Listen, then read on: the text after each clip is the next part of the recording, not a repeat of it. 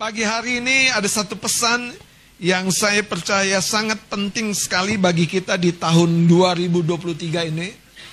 Dan saudara, sebuah pesan yang Tuhan sampaikan dari hatinya, itu akan menjadi sekali lagi seperti khotbah pada minggu yang lalu, guideline.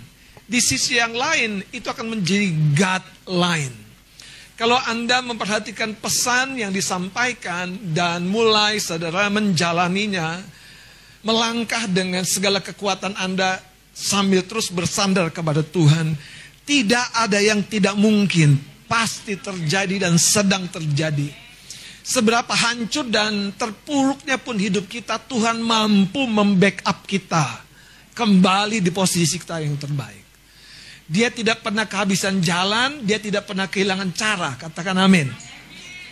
Dan Tuhan kita bukan Tuhan yang cepat-cepat capek ngurusin kita. Tuhan kita bukan Tuhan yang tiba-tiba saudara kehilangan apa namanya nafas. Kalau seperti seorang pelari maraton. ya nggak nyampe deh, nggak nyampe garis finish. Ya nggak nyampe, enggak. Tuhan kita, Tuhan yang kuat. Katakan amin. Karena itu dia tidak kehabisan jalan untuk kembali saudara menyertai kita, menguatkan kita. Wow, saudara saya percaya ini pesan yang kiranya membuka mata rohani kita. Kalau dia siap membawa kita, pertanyaannya apakah engkau siap dibawa Tuhan? Pada pagi hari ini kita akan belajar hal-hal yang sebetulnya saudara eh, begitu sederhana tapi mendalam. Saya beri judul tema pada pagi hari ini, Tuhan mau mendidik hati kita. Tuhan mau mendidik hati kita. Katakan Tuhan mau mendidik hati kita. Kenapa hati kita perlu dididik? Karena saudara, sejak kita dilahirkan, kita telah mewarisi karakteristik-karakteristik dari orang tua lahiriah kita yang secara daging dari budaya di mana kita ada, suku apa Anda, dari lingkungan di mana Anda tinggal, Anda mau tidak mau mewarisi semuanya itu. Nah, celakanya ketika yang diwarisi adalah karakter-karakter yang lemah. Anda jadi orang yang mudah putus asa, mudah apa namanya hopeless. Satu dua langkah gak bisa, dorong pintu agak berat, terkunci, padahal butuh tenaga ekstra lihat tidak penjaganya, ya rasanya kita nggak nggak boleh masuk situ, saudara. Pikiranku kita sudah terblok dari kita lahir, tumbuh sampai kita masuk dunia produktif, bekerja, berumah tangga, dan di situ masalahnya setan baru manifest, baru manifest. Anda fail terus. Padahal Tuhan rencanakan Anda jadi jutawan. Anda jadi jutawan kenapa? Karena modalnya kemurahan Tuhan. Kasih sayang Tuhan. Anda jadi orang yang terkenal bukan untuk Anda jadi terkenal, tapi supaya Tuhan mau hidupmu terkenal. Siapa pun Anda, seorang musisi, mungkin saya dalam tanda kutip jadi terkenal sebagai seorang pendeta, supaya Tuhan dikenal. Haleluya. Anda jadi seorang mahasiswa. Anda jadi seorang driver. Orang kalau dibonceng Anda tuh rasanya beda gitu. Benar saudara. Karena memang Anda membawa hadirat Tuhan. Anda membawa hadirat Tuhan. Dan sementara Anda berkendara, bukan hanya Anda di zona di mana ada penumpang di belakang Anda. Ada hadirat Tuhan surrounding, saudara, mengelilingi dirimu. Dan ketika orang mendekat dengan tubuhmu, tidak heran dia pulang, dia mengalami sebuah pencerahan. Ternyata masalah yang dia bawa dari rumah naik ke bangku Anda. Tiba-tiba waktu itu ada jalan keluar.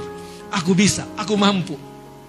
Dan Tuhan mau bekerja dengan dimensi yang seperti itu, level yang seperti itu, yaitu level di mana kita belum berkata-kata, tapi keberadaan kita yang bersama dengan Tuhan itu menyentuh banyak orang.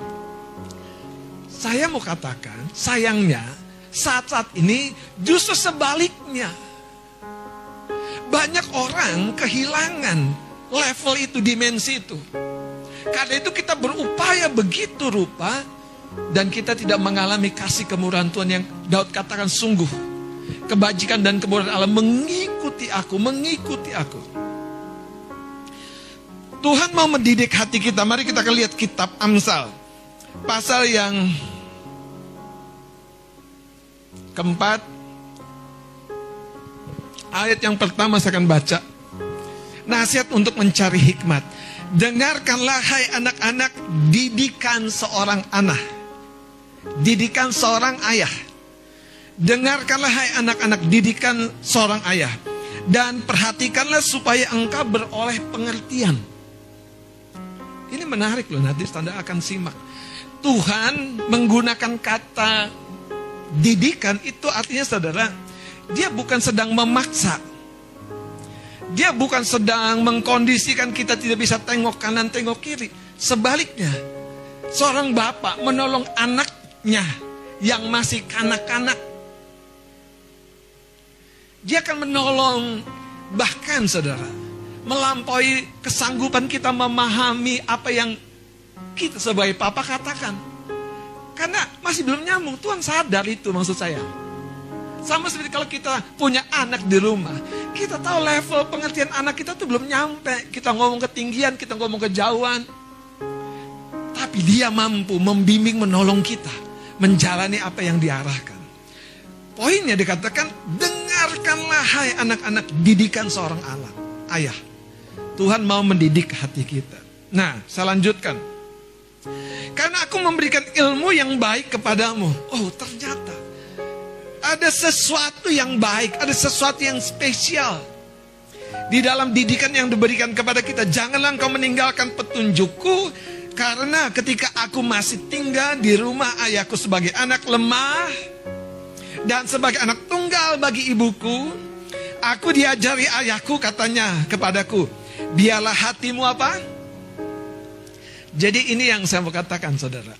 Seberapa lemahnya Anda secara keuangan.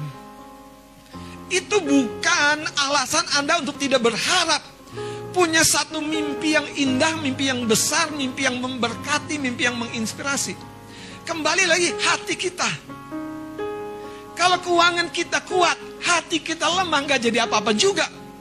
Posisi kita hebat seperti Raja Saul tapi hatinya takut, kecut, tawar hati, nggak jadi apa-apa juga. Ada sebuah cerita di kitab Hakim-Hakim. Ketika Tuhan berpesan kepada Barak, seorang panglima, melalui siapa? Deborah Nabiah, seorang wanita.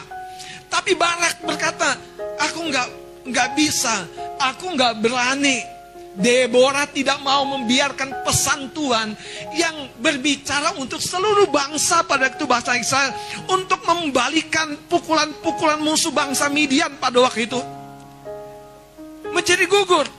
Deborah berkata baik, kalau engkau tidak bersedia, aku yang akan di depan. Dan Alkitab mencatat Deborah bukan hanya menjadi nabiah, menjadi juru bicara Tuhan, tapi menjadi panglima memposisikan dirinya. Kenapa Deborah bisa seperti itu?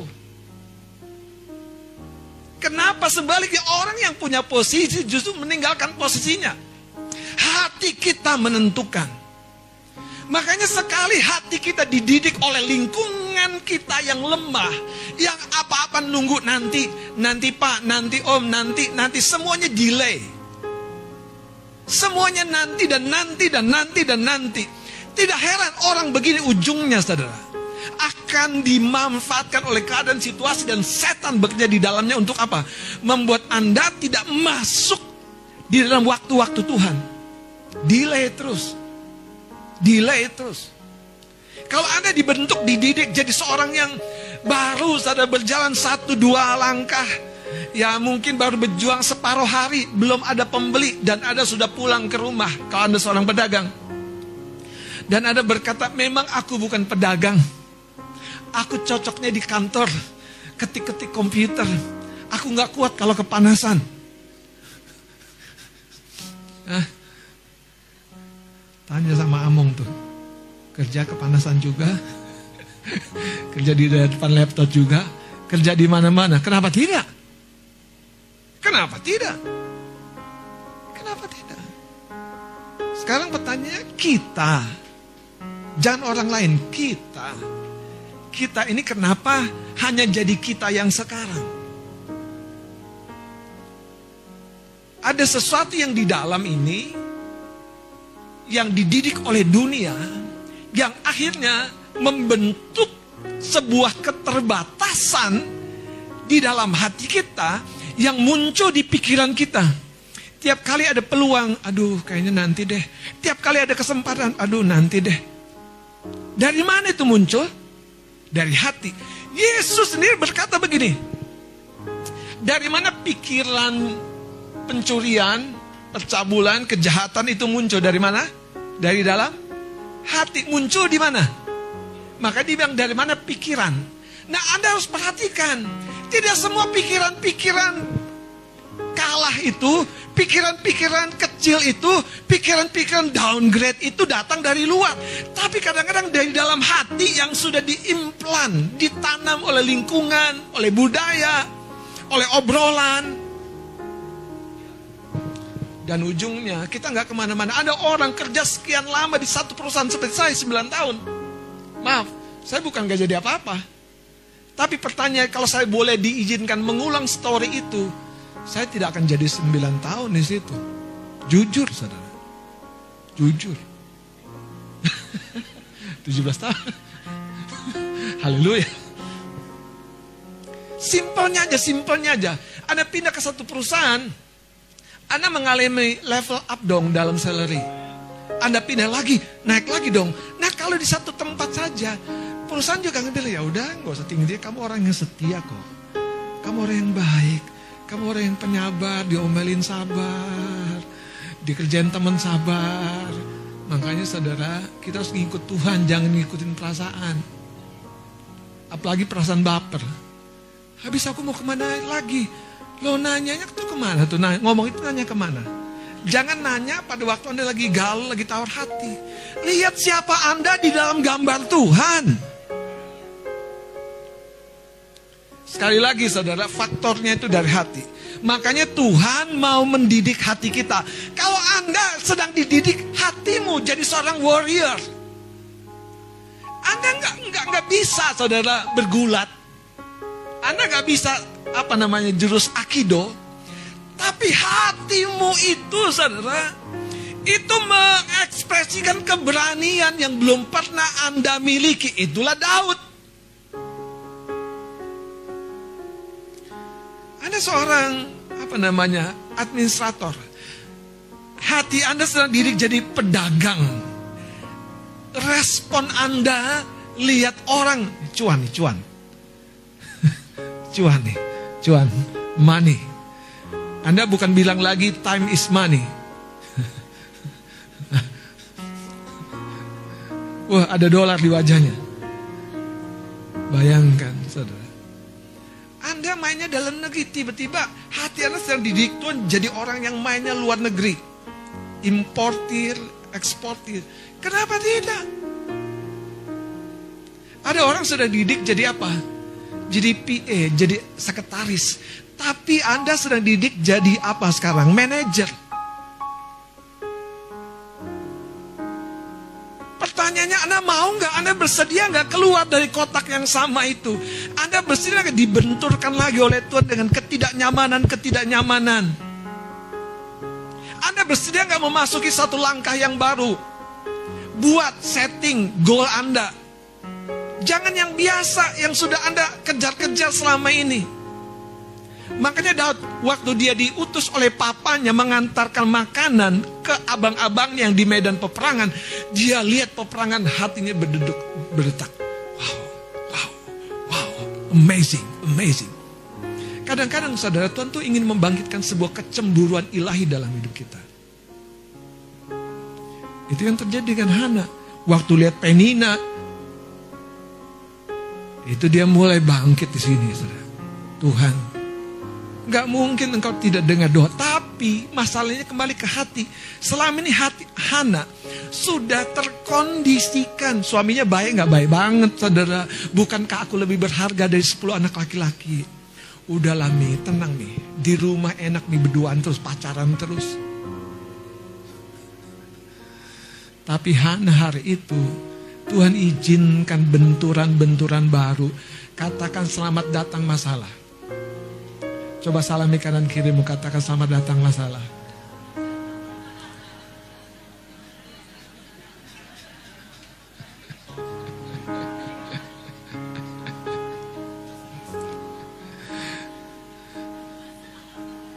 Saudara, masalah itu sebuah pembelajaran. Tapi kalau Anda membiarkan diri Anda terkunci, ya udah di level itu.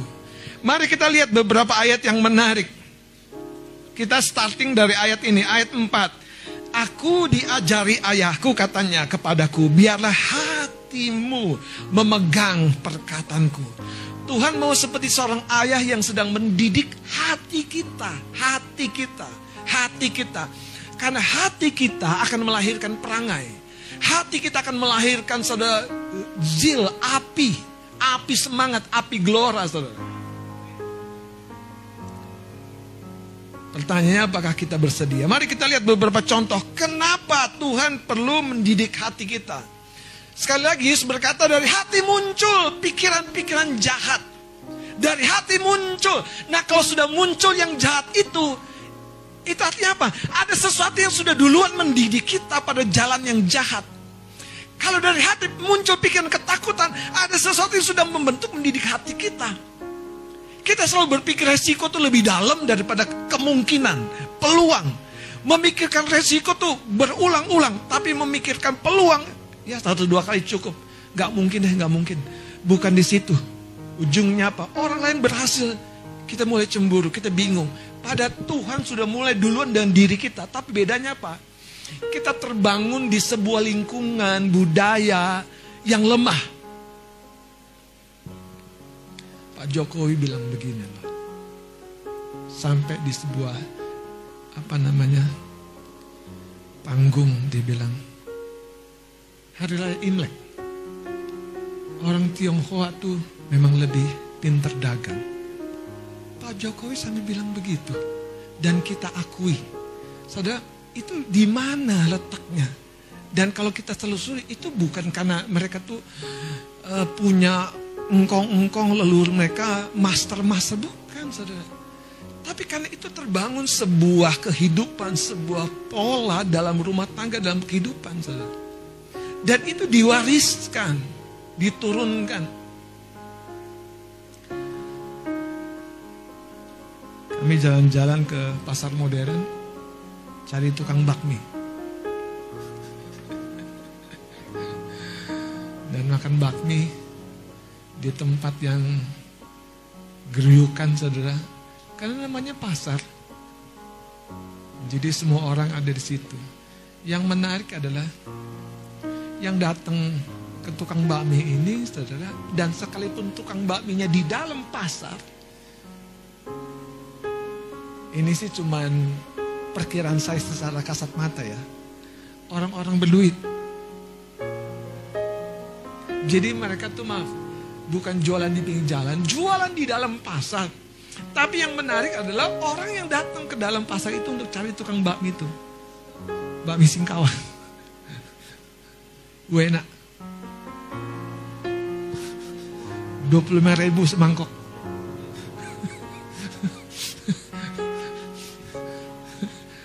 Enak banget saudara. Tapi yang saya mau bilang saudara gini. Itu cuma satu kios kecil. Di dalam itu mungkin ada empat orang kerja. Semua bersinergi saudara. Semuanya pegang peran pada kecil saudara kios mereka. Bangku juga bangku bakso tumpuk tapi berderet. Kami belum selesai udah ada yang nunggu kan. Kami datang situ kan nunggu dulu. Sambil mengintimidasi orang yang makan.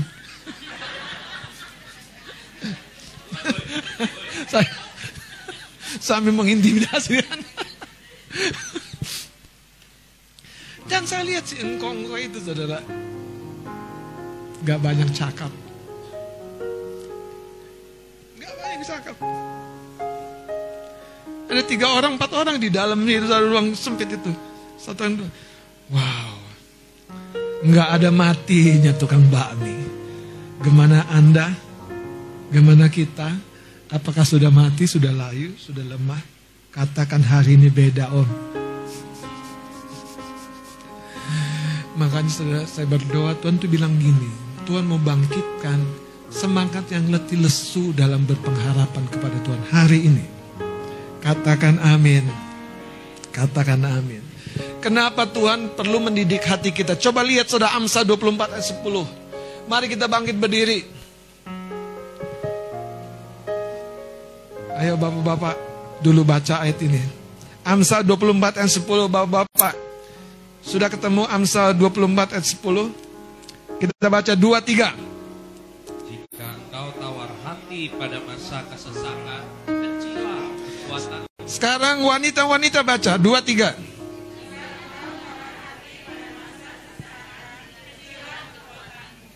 Sama-sama baca ayat ini, dua tiga. Jika aku tawar hati pada masa kesesakan, kecilah kekuatanku. Anda bikin ayat itu jadi personal nggak, jadi pribadi nggak? Oh pantas, aku nggak bisa ngapa-ngapain. Ternyata faktornya tawar hati. Oh pantas, aku nggak ada peluang terus sepertinya, nggak ada kesempatan dan lain-lainnya. Kenapa kita perlu menolak tawar hati, tetap berpengharapan. Menolak jadi kecil hati, tetap berpengharapan. Karena iman, harap, dan kasih itu instrumen yang yang paling spiritual, yang selalu coba dicuri oleh setan dari hati kita, saudara. Kalau kita kehilangan iman, pengharapan, dan kasih, tidak heran. Dunia itu seperti abu-abu semua. Orang nggak peduli. Orang nggak tahu masalahku. Lah, Memang kamu viralkan masalahmu di mana? Kalau orang nggak tahu masalahmu, itu justru baik. Yang penting Tuhan tahu dan peduli masalahmu. Dan ada mungkin bilang, Pak Pendeta juga nggak tahu. Anda nggak berani terbuka. Gue sama saya, sama pemimpin lain di tempat ini. Kalau mau terbuka ya gampang. Kalau saya, ngajak ngopi. Kalau kakak ngajak ngeteh. Selesai. Hidup tuh kadang-kadang di bawah susah. Saudara, saya kasih tahu ya. Selevel Raja Daud itu punya Nabi Samuel, Nabi Nathan. Selevel Raja Daud tuh yang menulis kitab Mazmur itu tuh. Yang hatinya dekat banget sama Tuhan. Punya Bukan bukan hanya Nathan, Samuel, Samuel, Nabi Nathan, Nabi Gad. Itu sengaja membangun hubungan dengan sengaja dan tidak heran. Pernah jatuh pernah, tapi bangkitnya nggak ketulungan. Dia tetap memasuki masa keemasan hidupnya. Hatinya diizinkan kembali dididik oleh Tuhan. Silakan duduk. Mari kita akan lihat saudara Alkitab berkata jika engkau tawar hati. Jadi masalahnya bukan di pengetahuan. Bukan berarti tidak belajar, bukan. Bukan berarti tidak mau hubung, bukan. Tapi hal yang pertama-tama, mau Anda miskin, Anda kaya, Anda berpendidikan atau tidak berpendidikan, jangan tawar hati. Setan tuh demen saudara sama orang yang tawar hati. Paling demen saudara. Makanya sekali Anda tawar hati, apalagi malam, wah habis saudara. Kenapa saya bilang habis? Karena malam tuh paling enak mengelamun, paling enak merenung, saudara. Pagi udah banyak kerjaan, gak sempet ngelamun. Tapi kalau malam, wah, haleluya, muncul semua. Saudara ada sebuah cerita yang menarik yang disampaikan oleh Ibu In Cipto tentang seorang pribadi, seorang anak. Anak ini diambil menjadi bagian sebuah keluarga dan ada sebuah pesan Tuhan bahwa anak ini akan menjadi hamba Tuhan yang luar biasa dipakai Tuhan. Keluarga ini punya anak lain-lain. Dan dia menjadi adik di keluarga ini dari seorang uh, yang sudah duluan jadi putranya. Dua orang putra dalam satu keluarga. Yang satu anak dari kandungannya ibu ini dan yang satu diangkat saudara. Tapi ada pesan Tuhan dia jadi seorang hamba Tuhan. Singkat cerita saudara, melewati waktu, anak yang satu ini harus dimasukkan ke asrama. Dan waktu dia masuk asrama, dia mulai berpikir, oh ternyata memang betul aku tidak dianggap diterima sebagai anak sendiri. Makanya aku dipisahkan dari keluargaku. Abangku, enak dia kuliahnya sendirian, bebas bisa ke mana. Aku harus di asrama. Tumbuh besar, yang satu ini berpikir lagi, kakaknya boleh bekerja sekalipun masih kuliah. Aku nggak boleh kerja. Aku harus bertekun dalam pelajaranku. Sampai satu ketika, saudara, si anak ini yang merasa dirinya dianaktirikan, Anda ngerti ya, dianaktirikan, memasuki sekolah tentara. Sekian tahun luluslah dia, dan kali pertama dia diizinkan memegang senjatanya secara sah. Dia pulang, dia bawa senjatanya, dia mencari orang tuanya dengan penuh kebencian dia tembak mati. Saudara. Ini bukan cerita kosong. Nah apa yang mau saya ceritakan? Setan mencap hati si anak ini dengan sebuah pikiran yang turun ke dalam hati begitu rupa. Aku memang anak tiri. Nah itu terjadi waktu dia tahu dia hanya anak yang diadopsi dan tiba-tiba setan memakai itu sebagai sebuah cap. Memang kamu anak tidak beruntung, anak tidak diinginkan. Saudara Alkitab dalam kitab Timotius, roh dengan tegas berpesan. Pada hari-hari terakhir akan ada orang yang begitu rupa mengikuti roh penyesat. Kenapa? Karena hati mereka memakai cap. Anda tahu cap itu apa? Itu bukan cap 66 Ternyata cap itu kekecewaan. Orang kalau udah kecewa, konflik, patah, marah, kesal, itu hati kita tuh kita tidak tahu itu seperti dicap besi panas. Langsung melekat dalam banget. Kalau kecewa dengan hubungan pertemanan, hubungan rumah tangga, hubungan keluarga dengan orang tua. Kekecewaan itu bisa menjadi tempat di mana roh kemarahan, keputusasaan, kebencian, kepahitan tumbuh berkembang begitu rupa. Makanya hati sebaliknya, kalau ada orang merasa diterima, merasa dikasih ya, Mas Kasihan. Sekalipun dia udah gagal lagi dan gagal lagi dan gagal lagi, dikasih, diterima.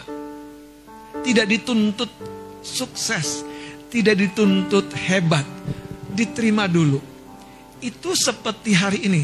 Tuhan sedang mendidik kembali. Makanya tidak pernah orang bisa dididik, diarahkan, ditertibkan. Sebelum hatinya tuh ditenangkan. Kayak bahasa Alkitab tuh kita mampu menenangkan hati kita. Kita teduh kenapa? Karena kita diterima. Kita dikasih. Nah kalau orang sudah diterima, seperti Petrus waktu menyangkal gurunya. Yang pertama-tama tuh bukan dikasih tugas dari Tuhan tapi diajak apa? Diajak makan. Diajak makan. Diajak makan. Kemudian setelah diajak makan, ngomong pribadi. Ngomong pribadinya, saudara, Yesus tidak menginterogasi dan bertanya, kenapa kamu, kenapa kamu, kenapa kamu, kenapa kamu. Tapi Yesus berkata, Petrus, apakah engkau mengasihi aku?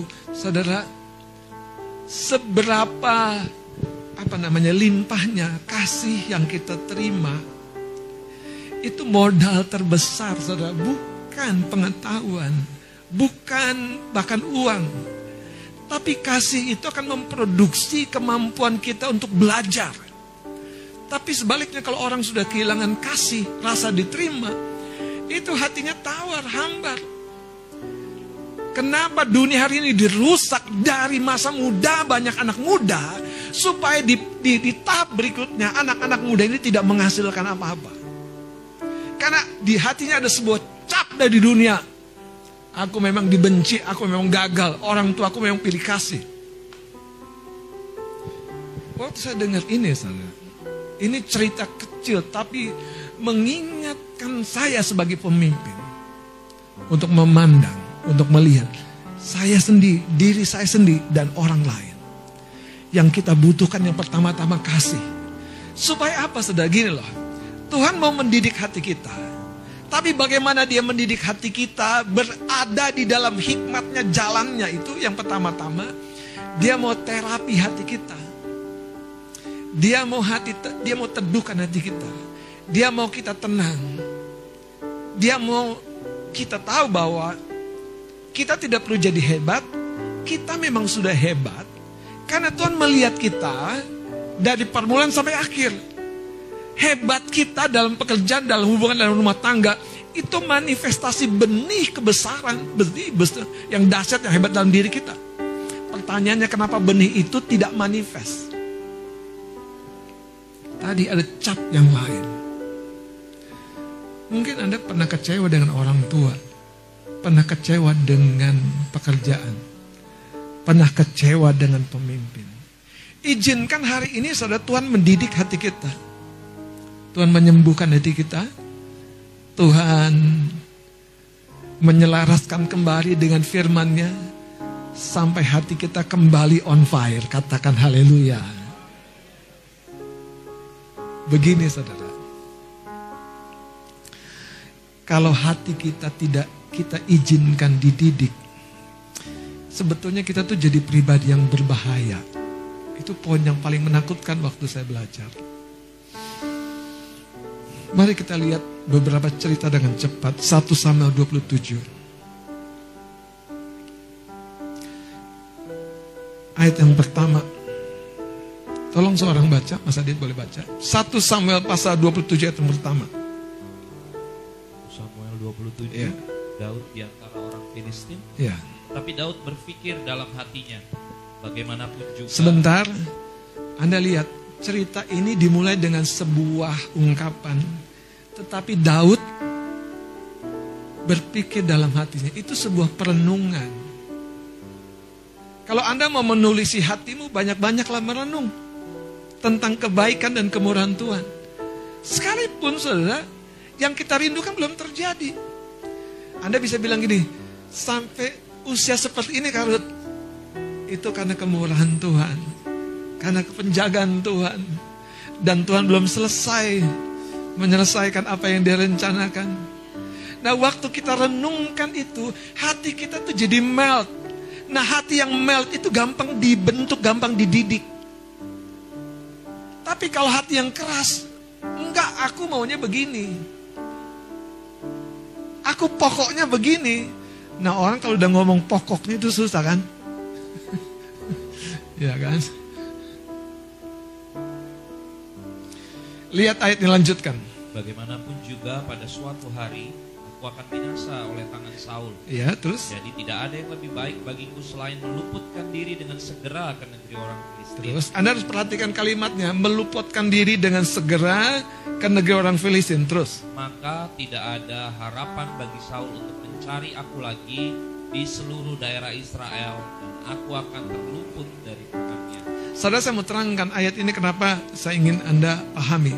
Yang pertama ini 1 Samuel 27 ini nanti menuju 28, 29, 30 di situ ada cerita kota Ziklak dibakar. Nah kota Ziklak itu peraihan ketika Daud, Daud lari dari Saul dalam cerita ini. Anda kalau baca terus tentu ada. Dan salah satu kota tempat di mana keluarga dan seluruh pasukannya yang akhirnya dibakar musuh itu namanya kota Ziklag.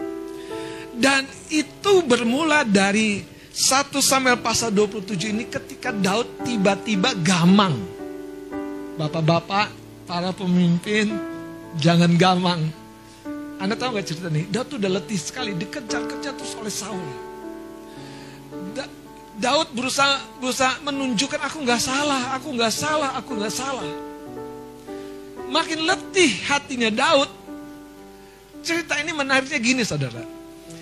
Kalau Anda baca pasal yang ke-26, Anda baca itu sampai, sampai 26, itu Daud baru berurusan dengan Saul yang mengejarnya. Tapi Daud tidak jatuh dalam pelanggaran dengan apa? Berbuat jahat kepada orang yang diurapi. Tapi sisi lainnya, Daud tuh jadi getas. Anda tahu kan kertas kalau sudah getas tuh. Enggak disobek. Kesentuh robek. Hati tuh gitu. Sehingga apa yang terjadi saudara? Daud tiba-tiba mengambil sebuah langkah tanpa persetujuan Tuhan. Bapak Ibu tolong dengar baik-baik. Jangan buat keputusan kalau hatimu getas. Hatimu galau.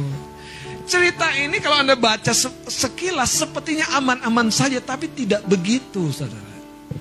Daud itu ketika habis deal dengan, waduh, aku ini kenapa ya Tuhan? Makanya jangan kebanyakan nanya kenapa. Cari hadirat Tuhan. Anda tahu Anda dimiliki di hadirat Tuhan. Kalau Anda terus tanya kenapa aku begini, kenapa anakku begini, kenapa pasanganku begini, kenapa aku begini. Ujungnya saya tentu ketemu hati yang getas. Daud dalam cerita hatinya udah letih dan dia mengambil sebuah keputusan yang fatal sekali. Itu bayarannya panjang nanti saudara kalau anda baca. Makanya seorang yang hatinya sekali lagi saudara tidak diizinkan Tuhan mendidiknya. Tapi saya bersyukur dalam cerita ini Daud tuh mengizinkan kejatuhan, kegagalan salah pilih itu jadi proses Tuhan mendidik hatinya. Kalau tidak saudara habis cerita Daud itu. Berapa banyak kita jadi orang yang berbahaya kalau Tuhan tidak kita izinkan mendidik hati kita. Ini bahayanya. Kita akan menghasilkan statement yang sama. Kita akan menghasilkan keputusan yang sama. Karena dari mana pikiran-pikiran tadi? Dari hati. Dari hati. Masalahnya, kalau yang kita tahu tidak cukup kita renungkan, yang kita tahu itu tidak turun ke hati.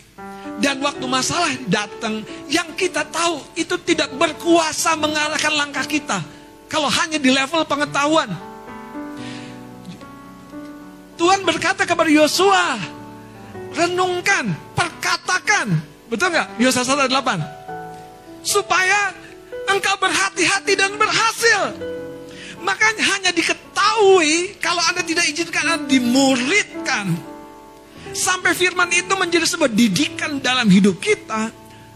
Tinggal tunggu waktunya saudara. Hati kita bereaksi lain dengan firman yang kita tahu.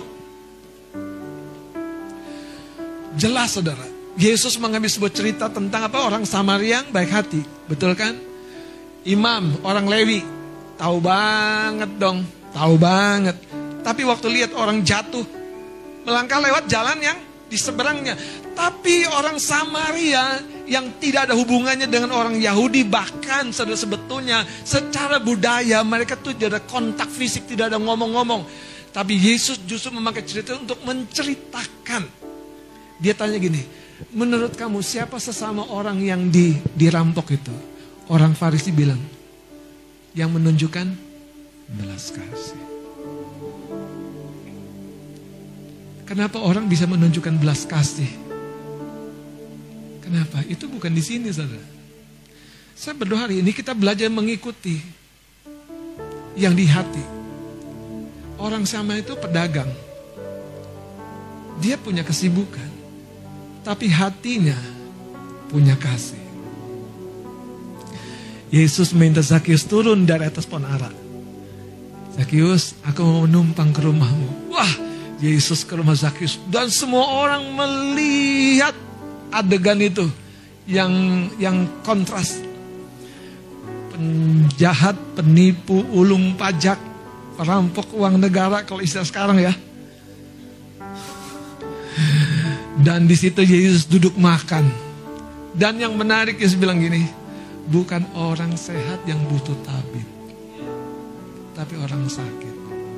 Anda tahu bahwa banyak orang sakit itu bukan di keuangannya. Bukan di fisiknya. Tapi di hatinya. Dia tuh kehilangan kepercayaan dirinya. Bahwa dia cantik. bahwa dia gagah. Dia adalah seorang bapak yang mampu memberi makan dan memelihara anak-anaknya, menyekolahkan anak-anaknya. Dia adalah seorang bapak, seorang ibu yang mampu sekalipun hanya seorang ibu tapi bisa punya bisnis sendiri. Apalagi Anda yang masih muda. Tapi kalau kita bisa belajar banyak dan itu tidak turun kepada hati kita, itu setan tuh begitu saudara, menjegalnya di situ. Kenapa? Karena setan juga tahu kekuatan hati. Apa yang membuat Petrus jadi rasul utama bukan karena dia mampu berkhotbah, tapi karena hatinya pulih. Nah, saya mau tunjukkan bahaya yang kedua dari cerita Petrus ini. Mari kita lihat kitab Yohanes pasal 21. Apakah Anda sudah menyimak Tuhan sedang mendidik hatimu dalam satu poin? Sabar nak, legowo nak, belajar terbuka nak, belajar jujur nak, enak jangan nunda-nunda. Kan Amsa tadi bilang, aku mau mengajari ilmu yang baik. Itu ternyata ilmunya bukan di sini, tapi di hati. Dan ilmunya tuh bukan sudah pengetahuan yang tinggi, luas dan dalam, tapi sikap hati. Bagaimana hati kita merespon dengan orang yang marah. Terima kasih om, mohon maaf memang saya salah. Eh malah dikasih duit. Makasih nak, kamu jadi pelayan jujur. Tapi kalau dibilang, itu bukan salah saya om.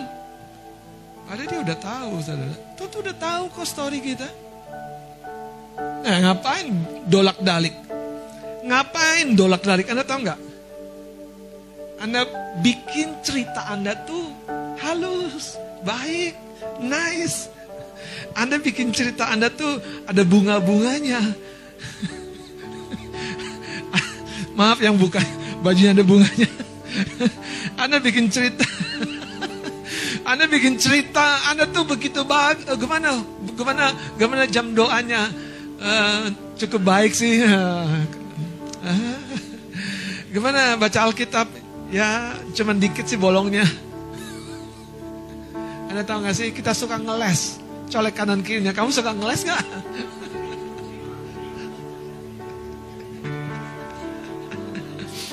Kalau orang suka ngeles, saudara, suaminya nanya, Mi, Mi, Mi, uh, udah beli belum Mi? Aduh sorry ya tadi aku belum sempet. Pada dia lupa.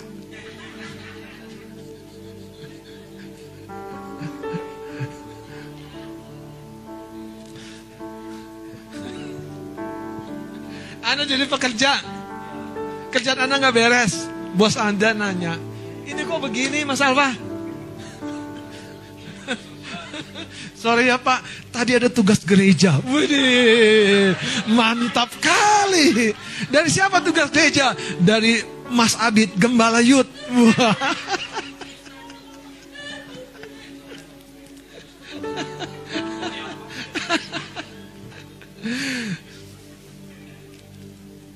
Kenapa bangunnya kesiangan?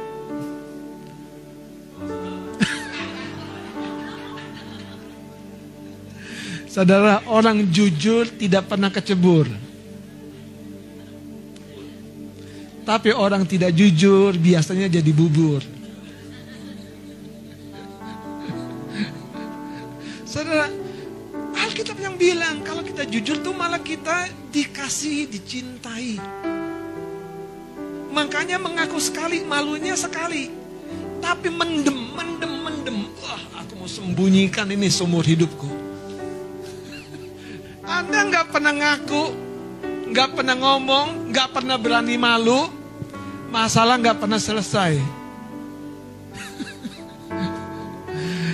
uh, Mawar, duit papa yang kemarin di atas buffet itu ke mana?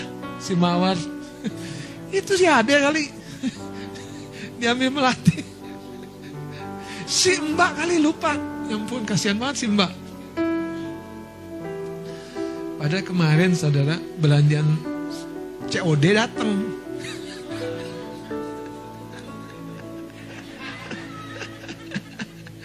Pas dia nggak punya uang cash, eh ada uang cash ngegeletak.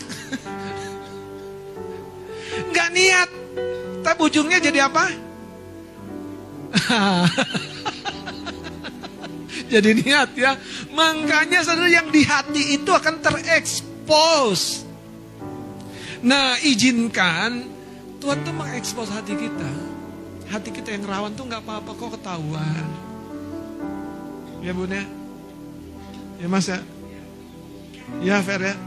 Hati kita yang rawan tau nggak kalau tikungan rawan tuh artinya apa? Jangan kencang-kencang kalau jurang tikungan rawan kasih tanda hati-hati. Eh masih ngebut juga. Selamatlah saudara. Gak apa-apa terekspos. Daud malah berani. Dia mengekspos hatinya. Dan selesaikan ceritanya. Daud naik lagi kan. Jadi raja yang termasyur. Jadi hamba Tuhan yang terkenal. Dia pernah jatuh, pernah, pernah banget. Hari ini coba tarik nafas dalam-dalam. Gak apa-apa ketahuan kok jelek kok. Cuman gini caranya, berubah. Amin. Suami-suami, Anda bukan jelek, Anda bukan bukan jelek, cuman belum bagus. Terutama di area kampung tengah itu kan, belum bagus. Gimana Mas Adit? Belum bagus?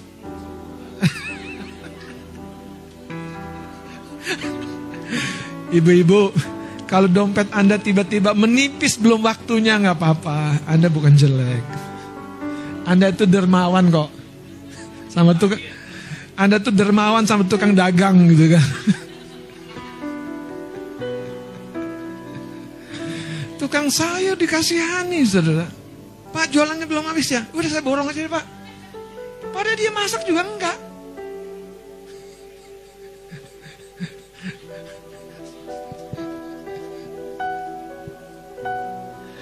Haleluya. Coba kita lihat saudara Yohanes pasal 21.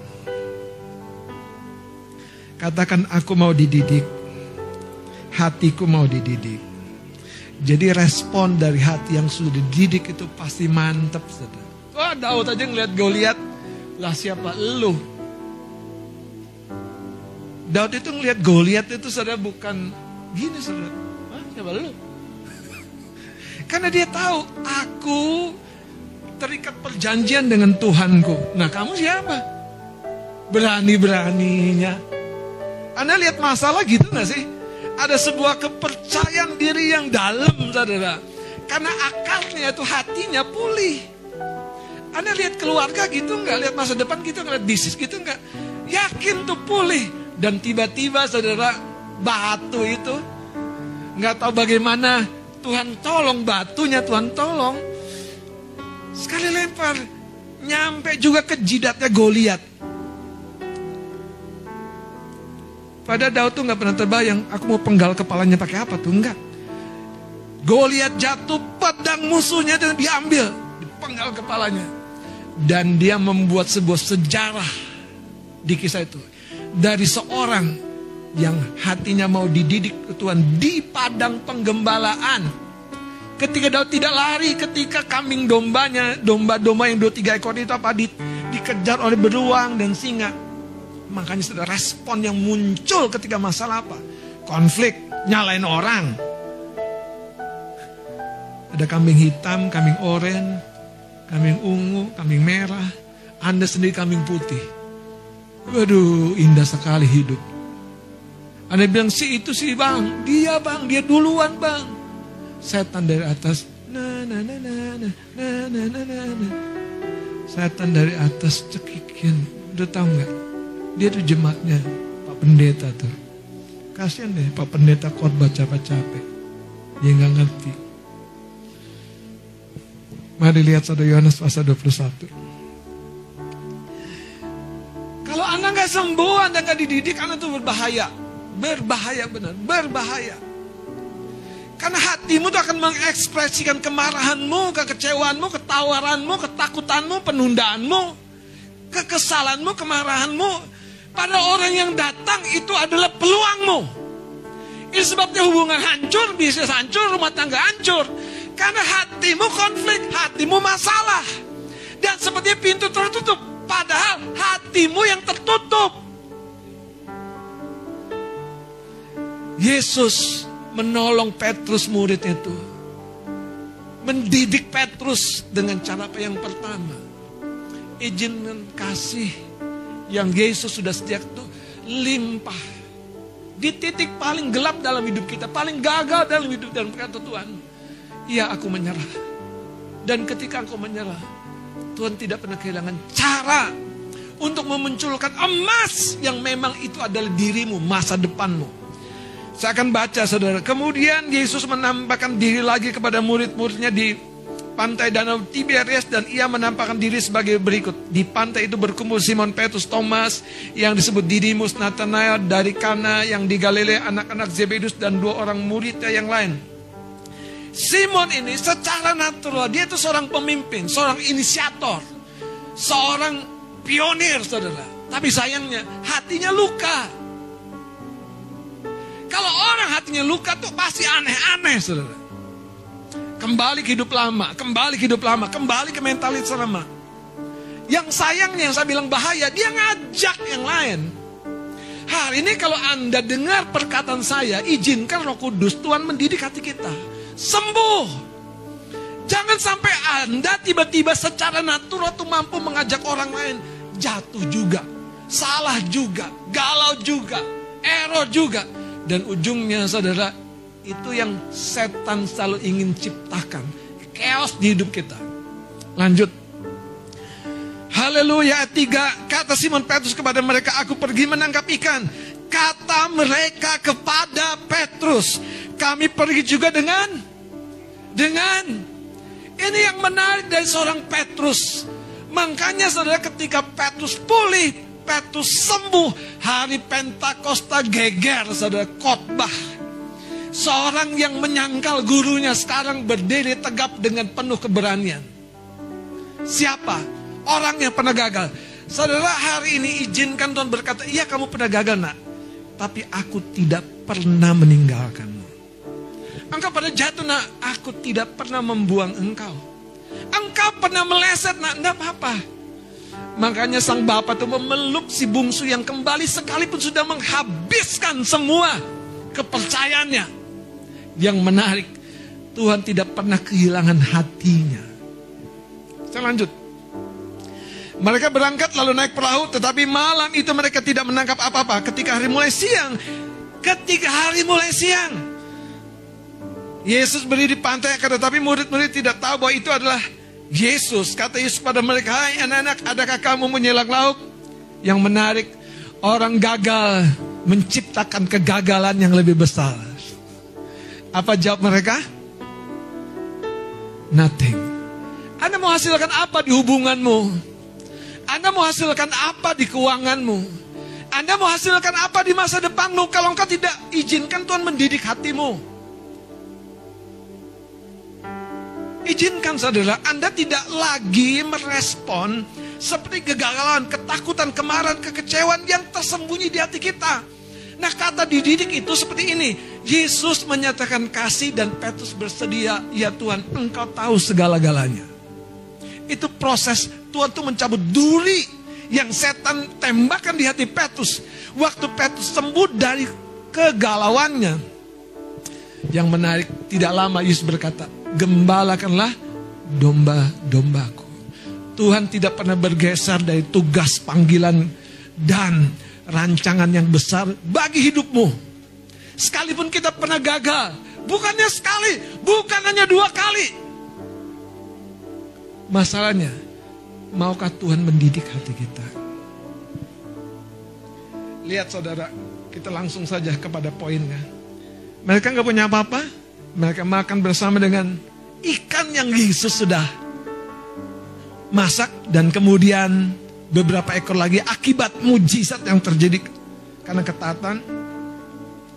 Nah, ayat 15. Sesudah sarapan Yesus berkata kepada Simon Petrus, "Simon, anak Yohanes, apakah engkau mengasihi aku lebih?" Kenapa ada kata lebih, Saudara? Karena gini, sebelumnya Petrus tuh merasa lebih dari orang lain. Kalau Anda hari ini merasa lebih patah, lebih gagal, lebih galau, lebih error, lebih, lebih, lebih izinkan. Tuhan mau berkata begini, nak, it's okay. Segelap, sepekat, sehancurnya, kasihku melampaui semuanya itu. Yesus bertanya, apakah engkau mengasihi aku lebih daripada mereka semua ini? Saya baca dengan cepat. Petrus menjawab, benar Tuhan.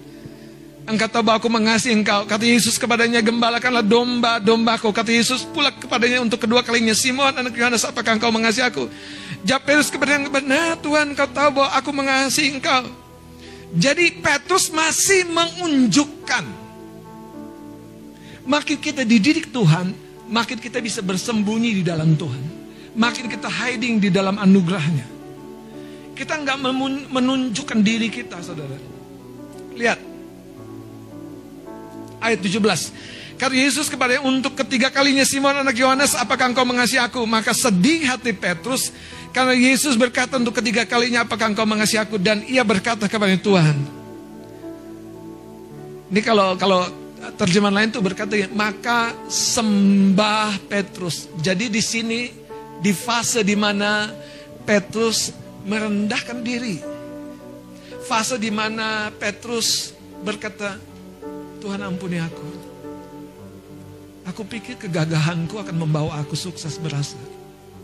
Tapi justru ketika aku menyembah, menyerah. Engkau yang mengangkat dan menyembuhkan aku. Saya baca saudara. Kata Yesus kepadanya, gembalakanlah domba-dombaku. Dan kalau Anda baca terus, ayat 19-nya. Dan hal ini dikatakannya untuk menyatakan bagaimana Petrus akan mati dan memuliakan Allah. Sesudah mengatakan demikian, ia berkata kepada Petrus, ikutlah aku. Tuhan kita mendidik kita. Paulus berkata begini, kalau Bapak di dunia mendidik kita anak-anaknya dalam waktu yang terbatas. Saya kehilangan papa saya masih umur 3 tahun. Saya nggak tahu yang namanya gesper ikat pinggang mampir di paha saya. Lima jawatan ini mampir di paha saya. saya nggak tahu. Mama saya berjuang. Saya nggak punya cerita. Saya cuma pernah ingat kalau papa pulang dari kerja bawa mie goreng. Kami kerebutin itu mie goreng. Sisanya bawang-bawangnya, timun-timunnya. Nah itu bagian papa. Dia nikmati itu. itu tergurat begitu dalam di hati saya. Sampai saya suka bawang-bawang timun-timun itu. Tapi kalau anda mie goreng jangan buat saya itunya.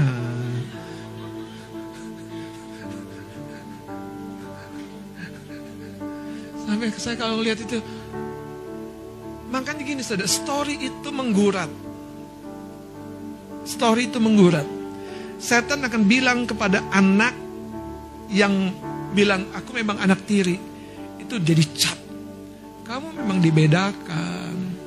Kamu memang beda. Dan ujungnya, dari rancangan Tuhan yang hebat, jadi seorang pembunuh. Yang ditembak bahkan orang tuanya. Hari ini, jangan keluarga jadi korban. Jangan teman-teman baikmu jadi korban. Jangan orang-orang terdekatmu jadi korban. Jangan orang-orang yang sebetulnya Tuhan pasangkan untuk mencapai destinimu. Justru engkau tinggalkan karena putus asa, kecewa, marah. Daud sudah gagal. Dia lari ke Akis, raja di Filistin. Anda tahu cerita, nanti Anda baca nih. Saya waktu baca, Tuhan tolong kami. Kadang kami juga putus asa dengan banyak peristiwa dalam hidup kami. Tapi kami mau belajar tidak seperti Daud. Ke Filistin, cari perlindungan dari raja kota Filistin.